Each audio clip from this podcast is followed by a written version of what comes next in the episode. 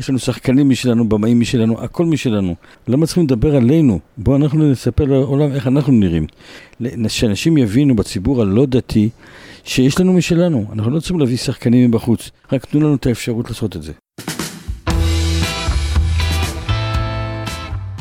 שחור לבן צבעוני, פודקאסט על קולנוע חרדי. החיבור בין אלוהים, סרטים וחיים. יוצרים מרלין ונינג ועומר סתיוי. והפעם, היכרות עם עולם חדש.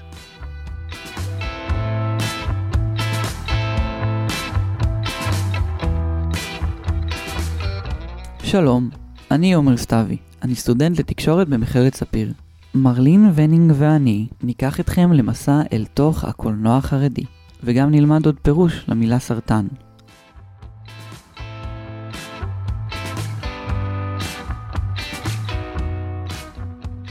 שמי מרלין וניג, אה, ואני באמת אה, מלווה את הקולנוע הזה כבר אה, כעשור במסגרת מחקר מאוד גדול שהתחיל מעבודת תזה שראתה אור בטור ספר בשם הקולנוע החרדי, ובקרוב ספר ההמשך שמתייחס בעצם לסרטים שיצאו בעשור השני של הקולנוע החרדי. זכות גדולה מאוד לפתוח את אחד הפסטיבלים החשובים בישראל, פסטיבל בינלאומי. אה, שרבות היצירות הטובות שעברו דרכו והיוצרים החשובים ולראשונה, לא רק במסגרת הפסטיבל, אלא גם במסגרת פסטיבל ישראלי, יש פוקוס לקולנוע חרדי. אז הנה כבר על רגל אחת הצלחנו להגיד את זה שהקולנוע החרדי חוגג עשרים שנה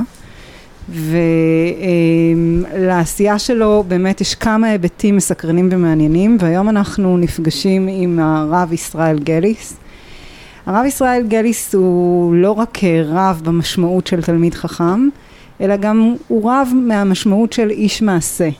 איש ירושלמי שמכיר כל אחת ואחת מהסמטאות של ירושלים וככזה הוא מחויב גם להכיר לא רק את אנשיה של ירושלים אלא גם את יוצריה של ירושלים ואת היוצרים בכלל. תרם המון לתקשורת החרדית, הן כמגיש תוכניות והן כבימאי של סרטים דוקומנטריים והמון המון דברים שהוא עשה ותרם בתחום הזה. הרב ישראל גליס, מה הקשר של רב לתרבות? אה, הקשר שלי לתרבות הוא אה, מילדות. אבא שלי הקים את האגף לתרבות תורנית של עיריית ירושלים, אה, ניהל אותו במשך 45 שנה, לא כאיש פוליטי, לא היה שייך לשום מפלגה, הוא קיבל את המינוי דרך ראש עיריית ירושלים. ככה שאני נולדתי לתוך תרבות. איזה אירועי תרבות היו פעם בירושלים לציבור החרדי? אה, למשל, היה בלילות שבת. היה בעיה בירושלים, שירושלים אה, פתחו בתי קולנוע וכן הלאה, כדי לסגור את בתי קולנוע היה צריך לעשות משהו אלטרנטיבי. אז אבא שלי לקח את מה שנקרא ג'רר בחר של היום, בית העם של פעם, בלילות שבת, הוא דאג שיש שם אה, אוכל ירושלמי ושאנשים יבואו לשם. הערב הראשון של ליל שבת היה אחרי מלחמת ששת הימים, כשעוזי נרקיס, המפקד אה, של ירושלים, בא וסיפר על מלחמת ששת הימים, איך mm-hmm. התנהלה המלחמה. הסקרנות הייתה גדולה מאוד, כי אמנם ירושלים שוחררה, ואנשים רצו לדעת מה. אז הגיעו שם בליל שבת, והייתה הקפדה שלא יהיה מיקרופונים, ושלא יבואו בשבת עם רכבים, תוך בקשה לאנשים, אנשים באו ברגל ממרחקים.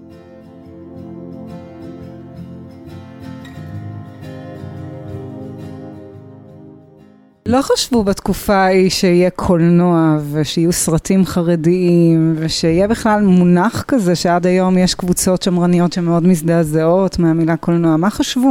אה, היה איזה לא. חזון עתידי? היה, היה חזון, החזון התחיל בזה שהיו כל מיני אירועים והביאו אה, סרטים עגולים.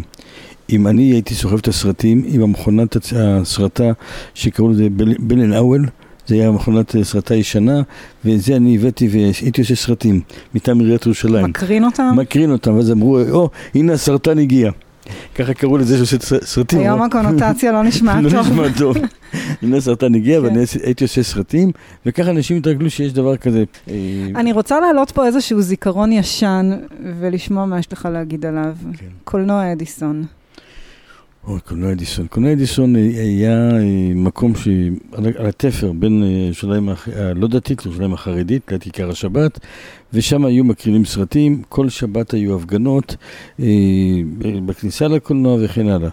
אני פעם אחת עברתי ליד הקולנוע, היה חודש אלול, אומרים סליחות, ואנשים הולכים לקולנוע, ואז אמרתי לשומר שם, תראה, אם אנשים הולכים לראות סרטים, אנחנו אומרים סליחות, אתה יודע מה, בוא, כפרת לי, אני רוצה לאסוף כסף, להתרים אותם, שייתנו צדקה, ויראו סרט, אין בעיה. אתה לא תראה סרט, אמרתי, אני סרט חס וחלילה. נכנסתי לקולנוע עם פנקס קבלות, עברתי מאחד לשני, אמרתי, אולי תתרום משהו לפעילים, יד לאחים קראו לזה אז, בשביל יהודי גרוזיה. בבקשה, כל אחד תרם, וככה הלכתי מאחד לאחד, הגעתי עד למטה. כשהגעתי למטה נהיה חושך. ולא כמו היום שיש אורות בצדדים שאפשר לראות איך לברוח, איך לצאת משם. אין לברוח, נשארתי לשבת. בן כמה היית? לפי הסרט, אולי תדעי, נשארתי לשבת על הרצפה, והיה סרט, אה, הגשר על נהר קוואי. הגשר על נהר קוואי זה הסרט שהוקרם בשנות ה-50 בערך. הגשר, אה, אה, הגשר נרקוואי זה מלחמה, זה סרט שאפשר להכיר אותו גם היום בתוך הציבור החרדי, מלחמה בין היפנים והאמריקאים. אז בתור ילד צעיר שעומד מול המסך, מה, מה חשבת? זה היה בשביל ילם. אני הייתי בטוח, שמעתי, הם יקפצו עליי, הטנקים, החיילים, ישבתי שם, הייתי, הייתי די עמום. אבל uh, עשיתי מצווה, התרמתי אנשים. ולא ו... ידעת שבעצם עשרות שנים אחר כך תהיה מהפעילים הבולטים לקידום התרבות החרדית? זה התחיל בזה שאני הצטרפתי לבעלי תשובה. יש כבר למעלה מ-40 שנה שאני עוסק עם בעלי תשובה. זה התחיל עם איקה ישראלי ומרדכי ארנון, אורי זוהר וכן הלאה, שהיו בתחילת הדרך. ואני פגשתי אותם בתחילת הדרך, מאוד סקרן אותי. הנושא הזה של קולנוע, מה הם עשו, איזה סרטים הם עשו, וכל הזמן חשבתי רגע אחת, למה לנו? למה צריכים לדבר עלינו? בואו אנחנו נספר לעולם איך אנחנו נראים. וכבר בריאיון בסוף שבוע של מעריב בתמוז תש"ן, תש"ן, מה זה תאריך העברי? תש"ן, אז יש, יש ב, ממש ב... ב 1970. 1970, יש בשער של העיתון, יש תמונה שלי, מחזיק טלפון. וואו. ישראל גליס רוצה טלוויזיה וקולנוע חרדי. אז ככה שאז אני כבר דיברתי על זה, וניסיתי לקדם את זה. שנים שאני מתעסק עם זה, מנסה שאנשים יבינו בציבור הלא דתי, שיש לנו משלנו. אנחנו לא צריכים להביא שחקנים, סליחה, שטיסל ואחרים להביא שחקנים מבחוץ. יש לנו משלנו. יש לנו שחקנים משלנו, במאים משלנו, הכל משלנו. רק תנו לנו את האפשרות לעשות את זה. למה בעצם לדעתך לא נותנים? כי מפחדים מאיתנו. פשוט לאורך כל הדרך. יש, יש לנו היום עורכי דין משלנו, נהגי אוטובוסים משלנו, נהגי מוניות משלנו, רופאים. מה, שאנחנו משתלטים על המדינה, אז אנחנו משתלטים הם, גם על הקולנוע? הם מפחדים, תראי, כשאני נכנסתי למועצת הקולנוע, נכנסתי פעם ראשונה, לפניי נכנס ערבי מנצרת, שהוא מנהל את הסינמטק בנצרת, הוא נכנס, כולם הבינו שזה בסדר, ערבי. אני נכנסתי, כולם הרימו גבות. אתם גם פה? אמרתי, כן, אנחנו גם פה. איך נראה המאבק שלכם? זה מאבק מאוד מאוד קשה, בעוד שיש אה, אנשים משלנו שמשתפים פעולה. ואני לא אנקוט בסרטים אה, מפורסמים, אבל סרטים שמסתובבים, ש, שרצים היום. לא, לא, תנקוט, זה מעניין אה, אותנו. שטיסל.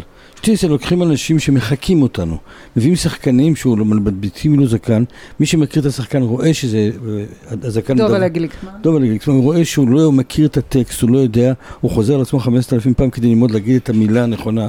יש שחקנים משלנו, שיספרו לכם בדיוק איך נראה השטיבל, איך נראה הצ'ונטה. אתה כועס שאינדורסקי לא לקח את uh, שחקנים חרדים, ולא ליהק אותם לסדרה שלו? ודאי, ודאי שאני כועס. תיקח אנשים משלנו שיספרו את הסיפור אמיץ. נון-קאסט.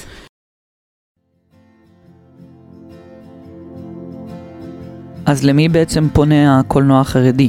הוא פונה אה, לפנים סקטוריאלי, זה לא קולנוע רב סקטוריאלי, שאנשים חרדים יוצרים לקהל הישראלי, לקהל הרחב, שבסופו של דבר גם חרדים צופים בו ועוד. זה קולנוע שהוא סקטוריאלי, ואז אנשים אומרים, רגע, רגע, רגע, אז למה שנתמוך בקולנוע הזה? כזה, הרב ישראל גליס, אתה היית חבר מועצת הקולנוע במשך ארבע שנים. מה קורה פה? תראי, בהבדל ביני לבין חברי המועצה שמה, אני ביקשתי ממועצת הקולנוע לרדת לשדרות. לרדת, להזמין את החבר'ה מספיר, לבוא לספר מה הם עושים. אני סחבתי את מועצת הקולנוע לראש פינה, לסינמטק שם בראש פינה. ליד בנימין. בדיוק, תכיר, תכירו, תכירו אה, אה, אה, את האנשים בפריפריה. לא רק דברו עליהם ותנסו לתקצב אותם, בואו תכירו אותם. כשהמטרה שלי הייתה, בואו תכירו גם את הקולנוע החרדי. ובישיבת מספר... בואו למאה שערים. בישיבת מועצת הקולנוע הבאתי כמה פעמים, מה שנקרא, רמה ברונשטיין הייתה, אז גם את היית בישיבה הזאת. קבוצות... דינה פרלשטיין. דינה פרלשטיין. בואו תכירו, מי, מי מהאנשים שעוסקים בזה. זאת אומרת, אל תבואו ותגידו שמה שאנחנו עושים זה סרטי וידאו. אנחנו לא עושים סרטי וידאו, אנחנו זה עושים... זה שקר להגיד דבר אנחנו כזה. אנחנו עושים קולנוע. זה זולות. רגע, רגע, אני אגיד לך איך זה התחיל. זה התחיל מזה שהקולנוע החרדי התחיל כענף גברי. תקליטורים שמוכרים אותם בסופרים לצורך העניין, בחנויות אה, למכירת אה, דיסקים וכל מיני כאלה מין. בגלל שזה היה הפקות גבריות, הפקות קטנות שמיועדות למחשב הביתי, אז uh, זה היה דיסקים זולים שאתה קונה ב-30-40 שקל, והפקות שבאמת, uh, להפיק אותם זה היה בין 60 אלף שקל ל-300 אלף שקל. והמגמה הזו של הדיסקים, אלו היו הפקות שמאוד מאוד הזכירו טלוויזיה. עכשיו, לקרנות הקולנוע זה היה מאוד נוח להתייחס לזה כטלוויזיה, להסתכל על זה כדרמות קטנות, אבל הם לא עקבו מה קרה מאז. כי הקולנוע החרדי הזה שאנחנו מדברים עליו, שהוא תקליטורים, שהוא וידאו, שהוא כזה מין, הוא נגמר כבר ב-2007. וכבר מתחילת שנות האלפיים, כן, בראשית המאה ה-21, התחילו הפקות נשיות. הם לא נכללו בהפקות האלה שהן של 60 אלף שקל או 300 אלף שקל, זה הפקות ענק, שמתחילות ממיליון שקל ויכולות גם להגיע לשלושה וארבעה מיליון. ו... הדברים האלה לא זוכים לסבסוד, הקולנוע הזה לא זוכה לסבסוד, הוא לא זוכה להכרה ולקרנות נוח להתייחס אליו כאילו אנחנו נמצאים עוד מלפני יותר מעשור, כאילו אנחנו מדברים על איזה קולנוע שהוא כזה מין כמו שהרב ישראל גליס הזכיר. ואנחנו נמצאים בבעיה. לכן אני חושבת שהפוקוס של אה, קולנוע דרום הוא מאוד מאוד חשוב. כי זה לבוא ולהראות הפקה קולנועית מלאה, ולהראות שזה קולנוע, שזה קולנוע אמיתי. אז גברים לא, יכול, לא יכולים לראות נשים, נכון? הרב גלי. תראה, זה מצב הפוך, כשהייתה, כששרת התרבות לימור לבנת אה, הפכה להיות שרת התרבות, היא באה לישיבת מועצת הקולנוע, וכשאני דיברתי על הקולנוע החרדי, היא שאלה, אני יכולה לראות את זה? אמרתי, רק את, זה לא אני.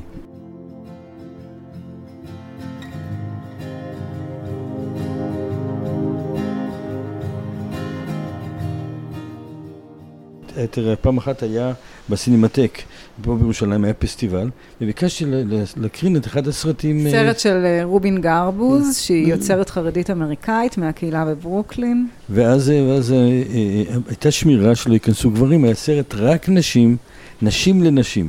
והייתה שם המנהלת של פסטיבל חיפה, היא אמרה, אני רוצה יום שלם, לא שעה, יום שלם לעשות סרטים נשים לנשים. ויש בנות שלומדות ועושות ויוצרות, שלוחה חרדית כבר שנה חמישית, ובמסגרת, אה, אחרי שנה, בסינמטק בירושלים מקרינים אה, את הסרטים שלהם, ומי שמגיע לשם, אנשים גם, בעיקר גם לא דתיים, אומרים, וואו, זה משהו, הם עושים סרטים, קורה פה משהו. אתה רוצה לשמוע קצת על התעשייה הזו? אני אשמח, כמובן. אז אנחנו מדברים על בין 4 ל-16 סרטים חדשים שיוצאים בשנה. חלקם של יוצרות מאוד מאוד ידועות, שמח... אה, שכל שנה מוציאות כמו שעון סרט חדש. חלקם של יוצרים פחות ידועים, חלקם סרטי ילדים, חל... חלקם סרטי גברים, כמו שדיברנו, סרטי נשים, כל מיני סוגים של סרטים, חלקם תיעודיים וכן הלאה. אני חושבת שההיקף הזה, בלי קרנות קולנוע, הוא מטורף. הנה הרב גליס, שהיה חבר מועצת הקולנוע, יכול להגיד את זה. אפילו בקולנוע הישראלי אני לא בטוחה שיוצאים כל כך הרבה סרטים. אנחנו מדברים על קולנוע שמופץ לא רק לקהל חרדי בישראל, אלא לקהל חרדי בלמעלה מ-40 מוקדים ברחבי העולם. יוצרת שרוצה להקרין את הסרט שלה, צריכה לשכור אולם כאילו היא מחתנת בן. אני רוצה להוסיף למה שאומרת מרלין. כשהייתי במועצת הקולנוע, אה, תקצבו אה, סרטים, והייתי גם חבר בתוך אה, אה, הוועדות האלו שתקצבו סרטים בעלילה ודרמה וכן הלאה. אחרי שנה, תקצבו סרטים מסוימים, ביקשתי לדעת מה קורה עם הסרטים האלו. הם במחסנים, הם במדפים, אבל תקצבו אותם. ראו אותם פעם אחת, פעמיים, שלוש וזהו, וזה נגמר, זה המדפים. וככה בשנה השנייה שאלתי את אותם השאלות. פה יש סרטים של נשים שעושות, יש מה שמרלים מתארת, עוד הפעם ועוד הפעם ועוד הפעם, אנשים הולכים לראות את הסרט, שלוש ארבע פעמים הולכים לראות את הסרט. זהו, צריך גם לזכור שאפילו סרטים ישנים הם פופולריים, למרות שכאילו הערך שלהם יורד ומחיר הכרטיסים יורד בהתאם, ובגלל שאין ארכיון, אין סינמטק, אין דרך כאילו בעצם להשיג את הסרטים האלה, הם לא נמצאים באינטרנט, אז הערך תמיד נשמר. איך אתה רואה את העתיד של הקולנוע החרדי? מה החזון שלך? צריך לקחת דוגמה מחסידות בובוב בארצות הברית. הם מוציאים, כמו שהיא אמרה, סרטים אה, אחד אחרי השני. כל מיני, אבל סרט, כל, כל הסרטים שלהם זה ביידיש. זאת אומרת, שמה זה מקובע כבר שיש שחקנים והולכים לראות תיאטרון, והולכים לראות סרט וכן הלאה. ברגע שיהיה, ברגע שיהיה פה תקציב, יהיה פה שר תרבות שיבין מה זה קולנוע חרדי ויתקצב את זה בהתאם, הכל יפרח פה. הכל יפרח, ויש המון אנשים שמחכים. יוצרות ובמאים ושחקנים, אנשים שמחכים, רק תוציאו אותם החוצה. זה קולנוע שתמיד כאילו אנשים בלי לראות אותו מפקפקים בו, מזלזלים בו. עכשיו אני רוצה להגיד את הרעיון הזה ולשים אותו על השולחן, שיש פמיניזם אחר. אני מצטערת אם זה נשמע כרגע, כן, אבל זה, אבל אני, כאילו אני לפעמים כל כך מתפלאה מהדגל הזה של הפמיניזם, שלא יכול להכליל את זה שיכולה להיות אישה. שלא תרגיש מודרת, אלא להפך, תרגיש עוצמה גדולה מאוד והעצמה רבה מאוד מזה שיש לה בעצם יקום משל עצמה. אני מאוד נניח אה, חושבת שאירועים במופרד הם מעצימים נשים, אני לא חושבת שזה מדיר אותן, אני לא חושבת שזה משפיל אותן. הקולנוע החרדי, איך שלא נסתכל עליו, הוא מעצמה פמיניסטית. זה נורא להגיד את זה, גם היוצרות החרדיות לא מכנות את עצמן פמיניסטיות, זה לא הדגל שלהן.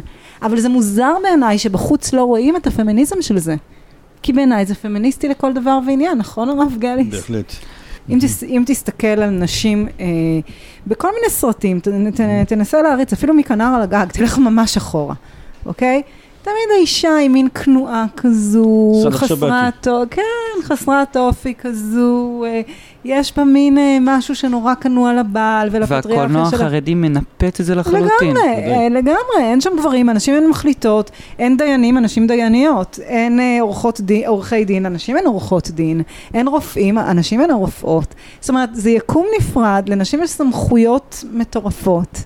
אוקיי? העולם הגברי בוחן? הן לעצמן את כל הסמכויות. העולם הגברי נותן הגברי את הסכמתו. חרדי. הוא נותן את הסכמתו. כשגבר יודע שהוא נשאר לילה עם הילדים כי אשתו הלכה לסרט עם הבת הגדולה, או עם הכלה, או עם הנכדות, או אני לא יודעת מה, הוא נותן את הסכמתו. אתה יכול לקרוא לזה הסכמה שבשתיקה, אתה יכול לקרוא לזה... אנשים עצמם לקחו את החירות לצפות וליצור קולנוע. אין היום רב שמגבה את זה, הרב ישראל גליס מגבה את זה, הוא היחיד שמגבה את זה בפומבי. בשלוחה, החרדית שיש בבית ספר מלא, אני כל פעם בא לפתוח את הקבוצה החדשה שהולכת ללמוד, אני אומר, יש עכשיו עוד 20 אברכים שיכולים לשבת וללמוד. כי אתם תלמדו קולנוע, אתם תלמדו מה לעשות, הבעל שלכם יכול לשבת וללמוד.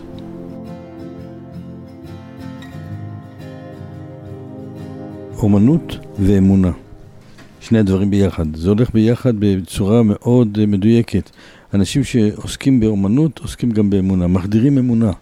דרך הסרט, דרך התיאטרון, דרך המחול. יש, יש בדברים האלה ש, שנעשים בקולנוע איזה גם מין שליחות. זה לא רק בידור. זה מה ששונה בקולנוע החרדי מכל בתי הקולנוע האחרים.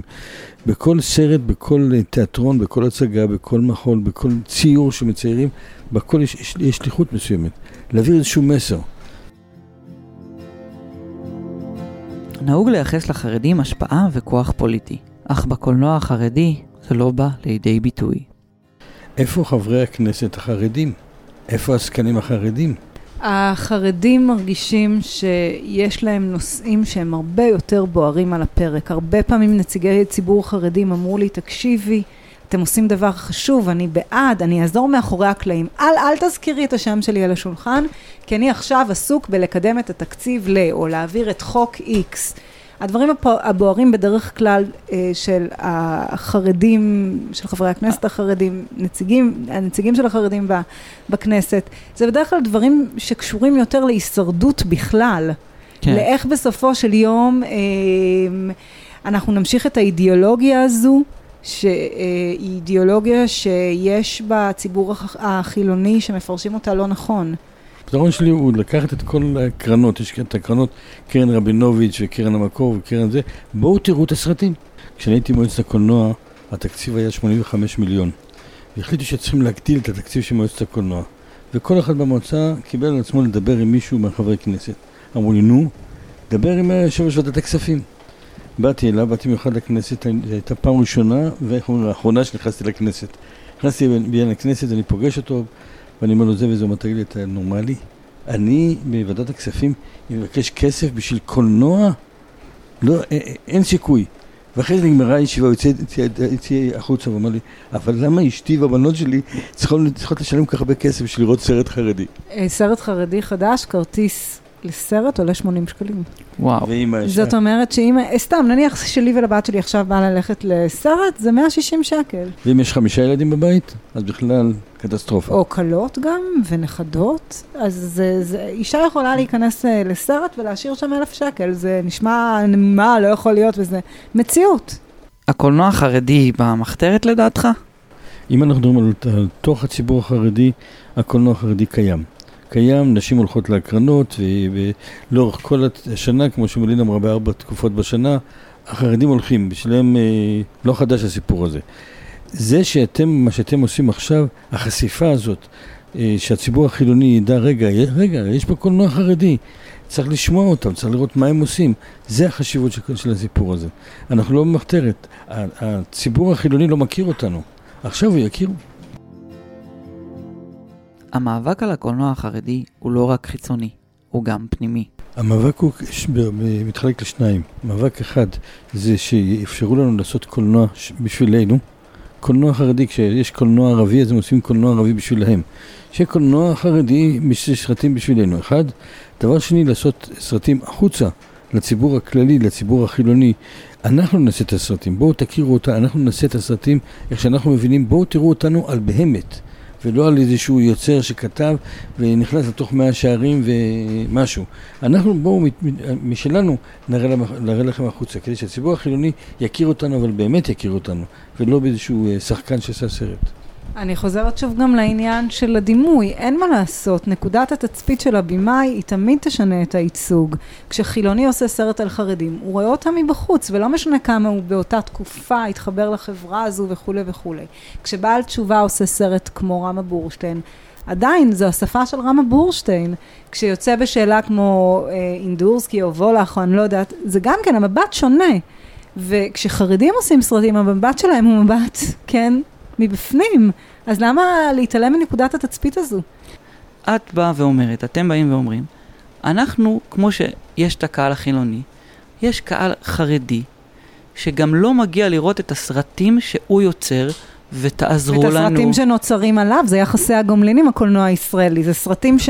שהם כאילו כן, יכולים לדבר לשני הקהלים. ובואו תעזרו. לנו, כן, תיתנו לנו את הכסף, תעזרו לנו, כי אנחנו רוצים לי- ליצור קולנוע לקהל החרדי, לנו. זה נכון? כן, בהחלט. זה גם, זה גם הבין שר התרבות אחרי שעה של פגישה איתו. אוקיי, אתם רוצים לעשות סרטים של, בשבילכם? כן, זה מה אבל שאתם רוצים. לא- למה שאני אעזור לעשות דבר כזה? לא כותבים על שחקניות ששיחקו בסרט חרדי כפולות בידיעות אחרונות או הארץ. בואו נשים את זה על השולחן. וגם לא כותבים עליהם בתוך העיתונות החרדית. זה, זה גם uh, מצב, uh, מציאות קצת מ... אז הקולנוע הזה כאילו באמת נשאר בשוליים, תוקעים אותו שם. והאמת שגם שמועצת הקולנוע בנו קריטריונים כאלו, שיוצרות חרדיות לא יכלו לגשת. למה? בנו כל מיני קריטריונים כאלו, כי, כי אנחנו לא קיימים. פתאום נדחפתם, לא, נעשה כל מיני- קריטריונים כאלו שלא תוכלו לגשת. אחד מהם היה דבר שנלחמתי עליו ארבע שנים, בסוף ניצחתי. העניין של ל- ל- להקרים בטלוויזיה. זאת אומרת, כל סרט שמקבל גם כסף, הוא צריך דוקומנטרים. דוקומנטרים, יקרינו אותם גם בטלוויזיה. אמרתי, סליחה, היוצרות שלנו לא רוצות טלוויזיה, רוצות שיקרינו את הסרטים נטו קולנוע. אז יש פה בעצם מאבק תרבותי, תרבותי אידיאולוגי, הרבה מעבר לקולנוע החרדי. בהחלט. והמאבק הזה, תכירו אותנו על באמת. תבואו לראות תיאטרון שלנו, יש לנו תיאטרון. וכשאני דיברתי על תיאטרון, אמרתי, לא יכול להיות שיש לכם תיאטרון. בואו תראו, יש לנו תיאטרון. וגלריות לאומנות, אומנות. ומוזיקה, וטרנסים חסידיים, הכל יש. ויפה שעה אחת קודם. וזה ששר התרבות החדש לא מבין את זה, וזה שהרבה אנשים שהם קובעי המדיניות של הקולנוע בארץ לא מבינים את זה, נראה לי תמוה. כשאני שירתתי בצבא, הייתי מגיע לתחנה מרכזית, יש שם אחד שמוכר עיתונים.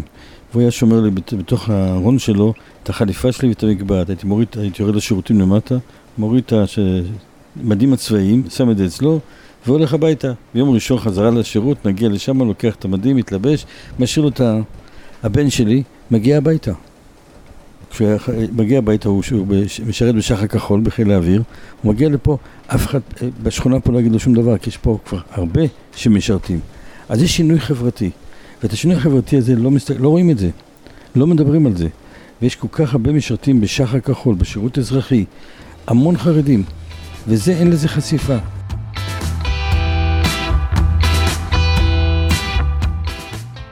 האזנתם לשחור לבן צבעוני, פודקאסט על הקולנוע החרדי. אנחנו רוצים להודות לבית הספר לאומנויות הקול והמסך ומחלקה לתקשורת במכללה האקדמית ספיר. תודה מיוחדת לרב ישראל גליס, אני עומר סתיוי, ואת הפרק הפקתי וערכתי יחד עם מרלין ונינג.